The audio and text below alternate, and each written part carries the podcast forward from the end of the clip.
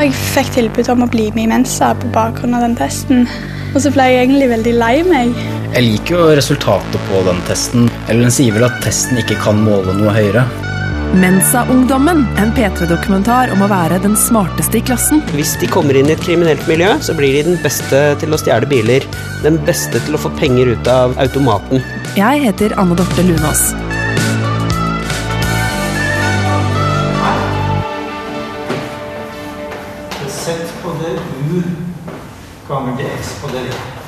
Vi befinner oss på en forelesning i matematikk her på NTNU i Trondheim. Læreren foran på tavla er helt oppslukt av den ligningen han viser fram. En kjempelang ligning. Han legger ikke merke til at vi sitter urolig på bakerste benk. For det er litt vanskelig å følge med når man ikke er helt inne i matematikkens verden. Er. En av de som sitter litt lengre fram i klasserommet, og som klarer å følge med helt fint, det er Eirik. Og etter at forelesningen er slutt, er det han vi møter nede ved tavla. Skriv gjerne e oppi det x. Det er en vanlig funksjon, og det fine med den er at hvis du deriverer den, så ender du opp med den samme igjen. Hva er å derivere? Eh, ja. Eirik er medlem av Mensa, og han er på mange måter det du ser for deg også når du hører om høy IQ. Da han gikk ut av videregående i fjor, så hadde han flere yatsier i seksere på vitnemålet sitt og kunne velge hvilket som helst studie.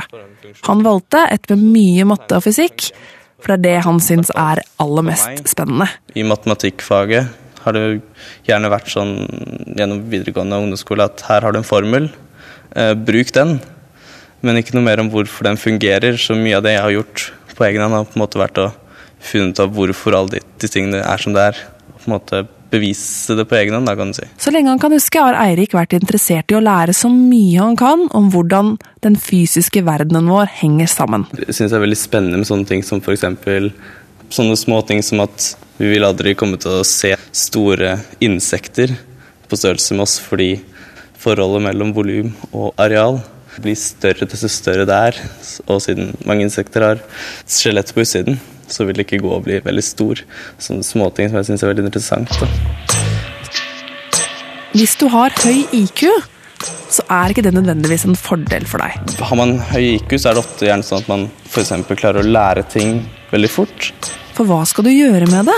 Hvis du er veldig rask, god til å gå på ski, god til å synge eller til å spille piano, så er det helt ok å bare kjøre på og bli så god du bare kan. Men hvis du er veldig intelligent og skjønner skolearbeidet superraskt, så forventes det at du bare skal sitte og vente til de andre er ferdig med å lære det du allerede har forstått.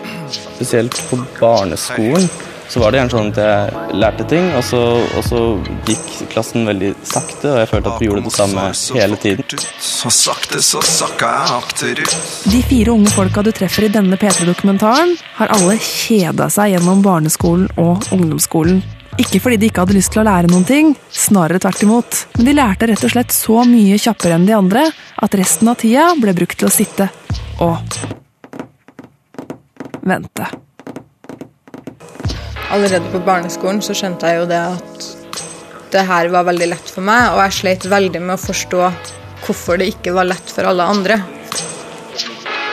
Det gjorde jeg veldig mye, da, at jeg var på en måte egentlig en hjelpelærer. Og jeg syntes jo det var gøy for så vidt, da, å lære bort ting og forklare ting osv. osv. Men jeg kunne jo ønske at det var mulig å lære seg litt mer enn det som var utover pensum, da, og ikke bare lære det som er forventet.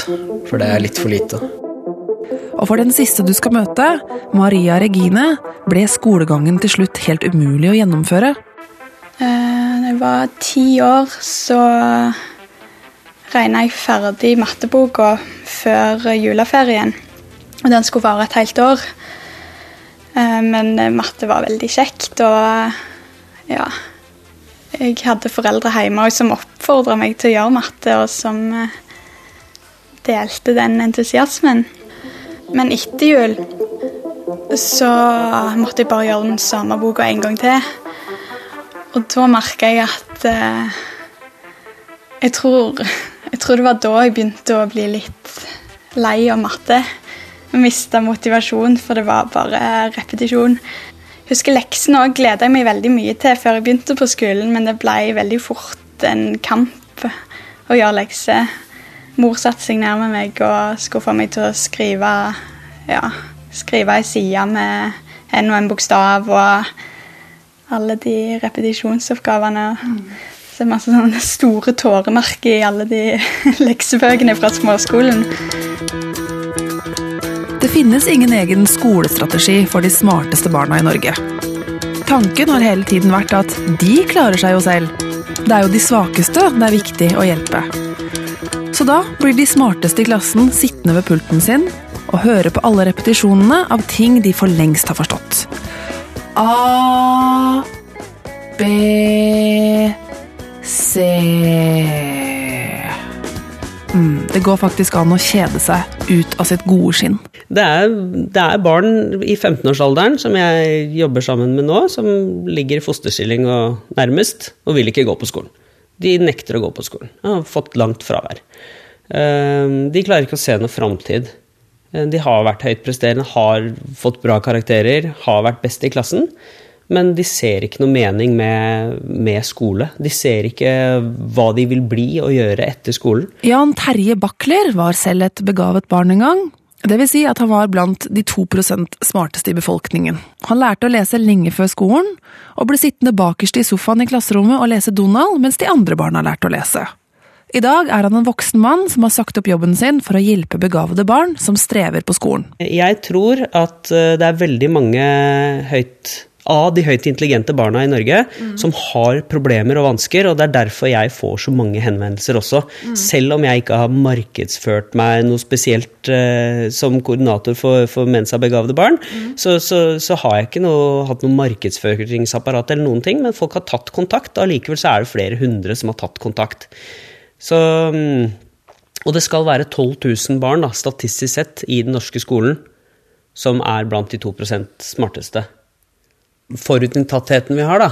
Når noen sier eh, et Mensa-medlem, eller et, et, høyt begavet barn, så dukker det opp eh, bilder av en liten blond gutt med briller som spiller fiolin, kanskje, og, og er eh, veldig flink i matematikk, og Det er noen sånne tanker vi har, da, hvis vi skal beskrive det barnet. Men det er stort sett bare 10 av de som blir, eller som kan identifisere som høybegavede, som kommer i den kategorien. En annen prosentandel av de høyest intelligente barna faller helt ut av samfunnet. Det kan nemlig være en hårfin linje mellom et geni og en som driter totalt i alt. Når de kommer i risikogruppen, så har de veldig ofte koblet seg av samfunnet. De ser ikke noe mening lenger, og da er de i veldig risiko. De heter risikogruppen. De er i risiko for å komme inn i dårlige miljøer. Hvor de blir akseptert, og hvor de pga. høy intelligens kan prestere høyt. Mm. Så hvis de kommer inn i et kriminelt miljø, så blir de den beste til å stjele biler. Den beste til å få penger ut av uh, automaten. David Toska? Ja. Uh, professor Kjell Skogen har sagt det, at uh, det er ikke alle høybegavede som um, dropper ut av skolen og blir hotellkonger og finansfolk. Noen av dem blir også veldig dyktige bankrøvere. Så, ja, det, og det fins en rapport fra US Secret Service etter skytingen i Columbine High som har funnet ut da, jeg tror det var 7-38 tilsvarende skoleskytinger, hvor de fant ut at to tredeler av gjerningsmennene var på gifted-program, altså var blant de 2 smarteste på eget, uh, eget, utdanningsløp for begavede, eller var student with honors, som var blant de beste elevene, og i tillegg hadde blitt mobbet over mange år. Det var kjennetegnet på to tredeler av gjerningsmennene.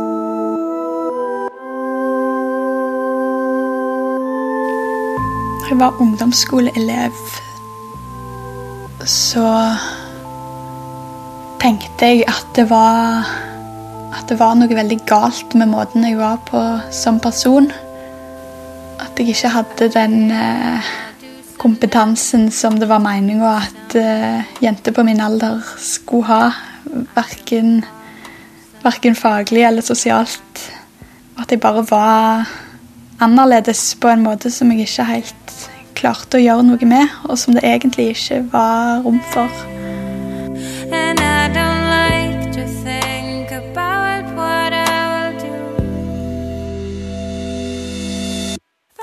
Maria Regine ble ingen kjip gjerningsmann for et eller annet. Men hun fikk det verre og verre med seg selv utover i skolegangen. Hun, som hadde starta som klassens flinkeste, fikk til slutt ikke til noen ting.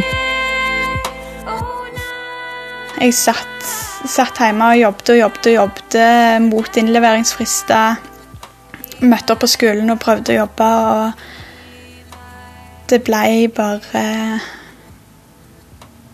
Ja, jeg tror, jeg tror at det å være så usikker på seg sjøl og ikke ha en god studieteknikk er noen, noen av brikkene i et veldig veldig stort puslespill av mange ting som gjorde at det ble for vanskelig å fullføre skolen akkurat da.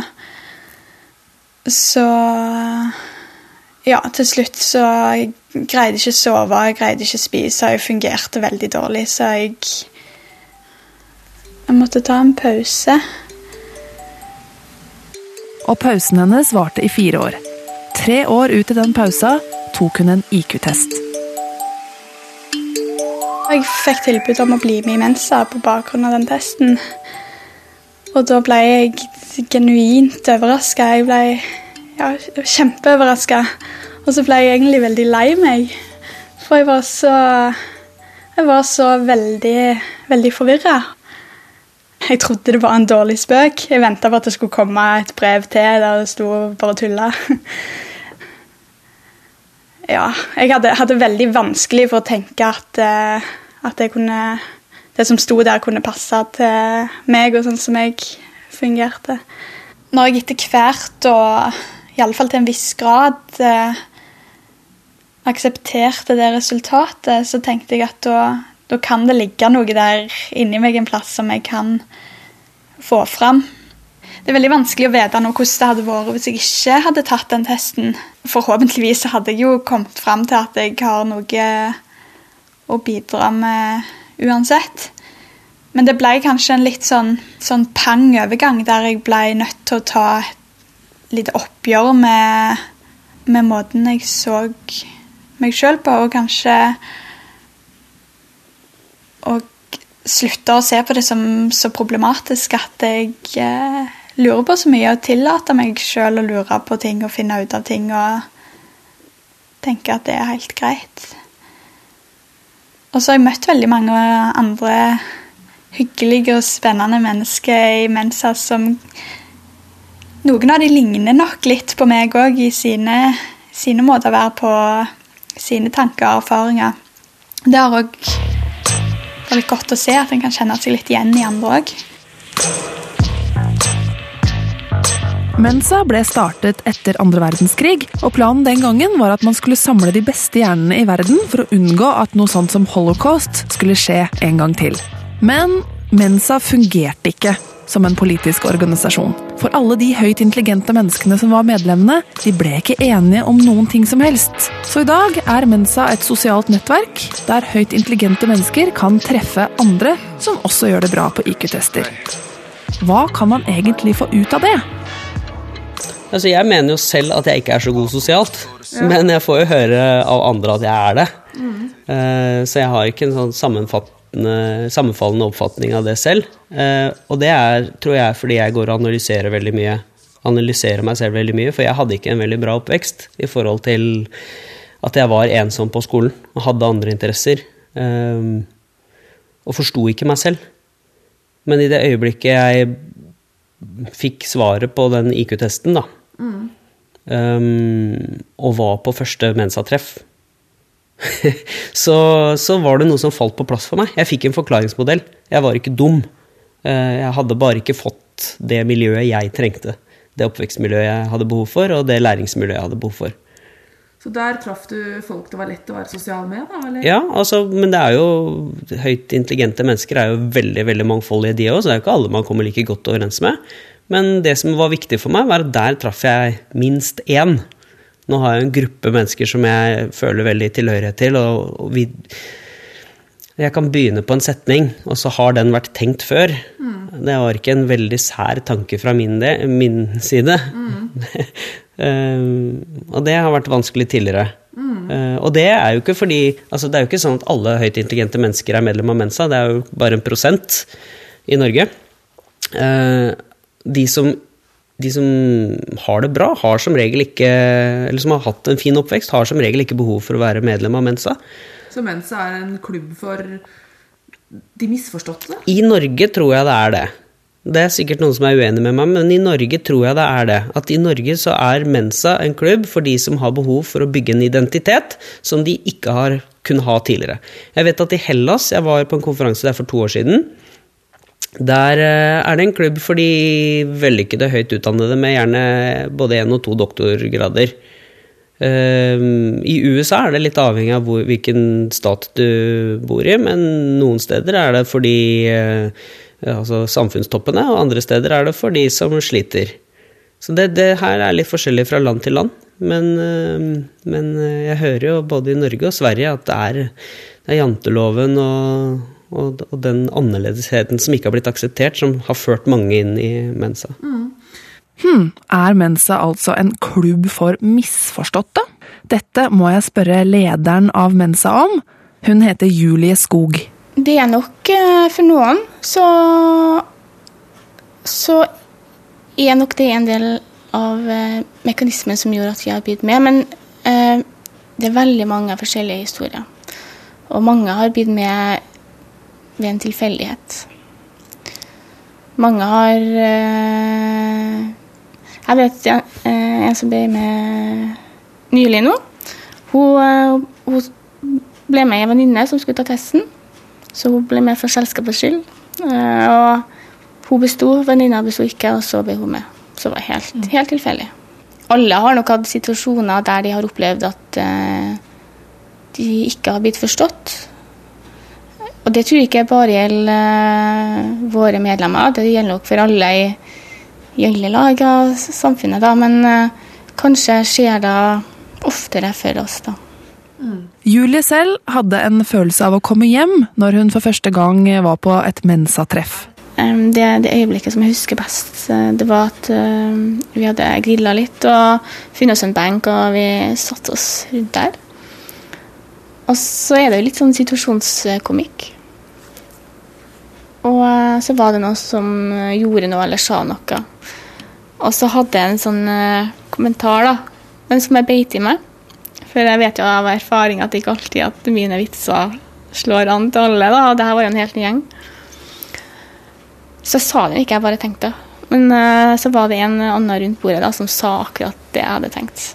Og alle bare lo seg helt forderva.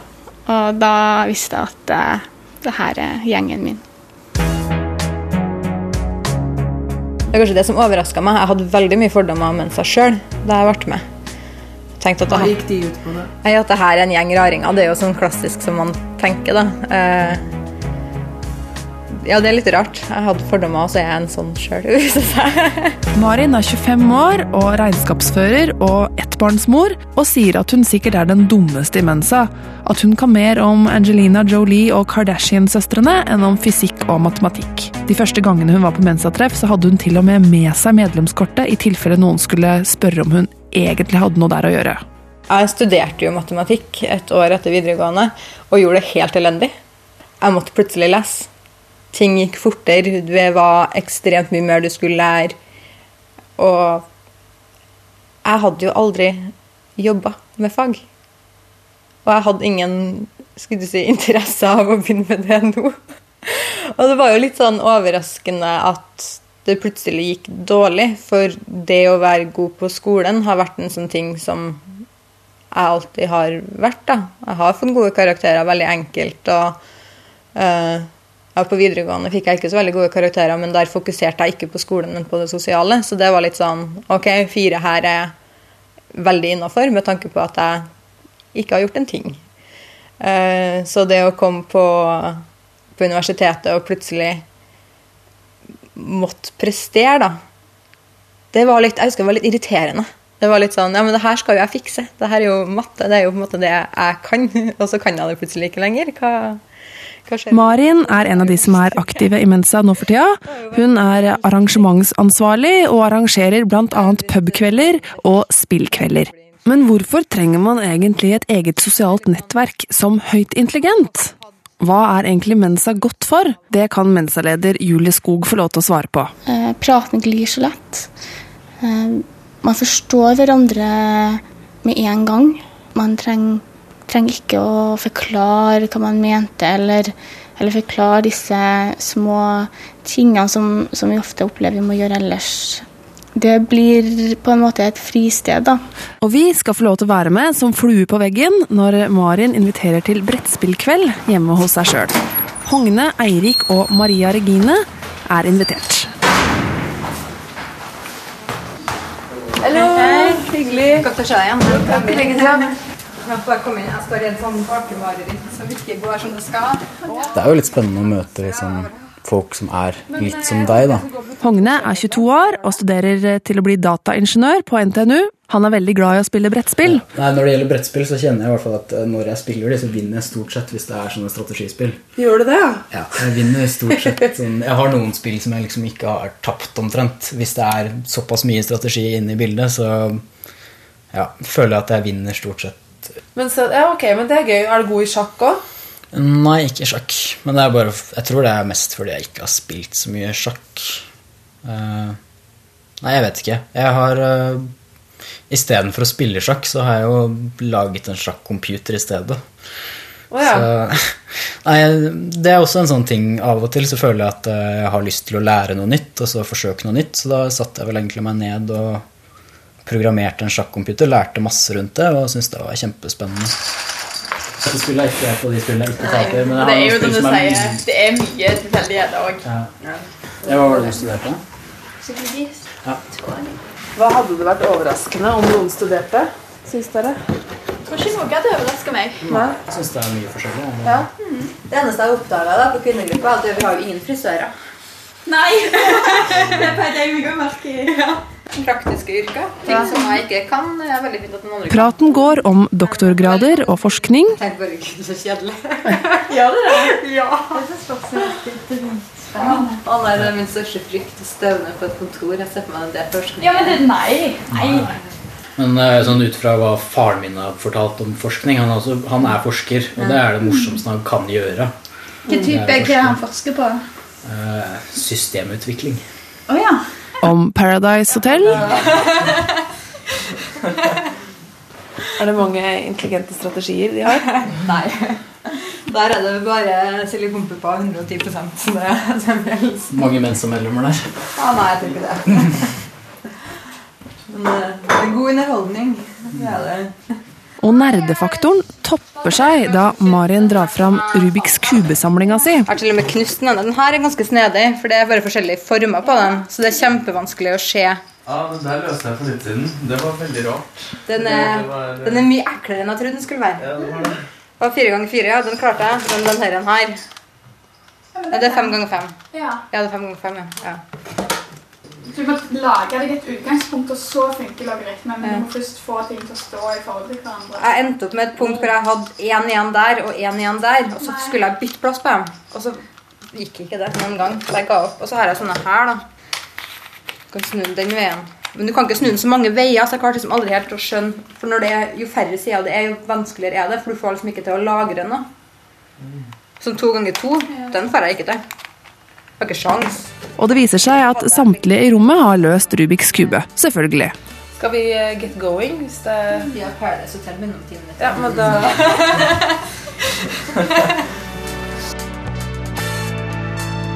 Jeg syns egentlig det er litt sånn tulle, tulleting. Altså, det er jo bare benevnelse på en ting du er god på. Vi har definert det som IQ. Det hadde vært mye, mye artigere å vært skikkelig god på jeg vet ikke, synge eller uh, ha en kreativ ferdighet. Da tror jeg har vært utrolig mye mer givende enn å Ja, jeg er veldig god på å løse figuroppgaver, og jeg skjønner matematikk veldig greit. Det det er jo ikke så veldig imponerende på noen måte. Syns jeg, da.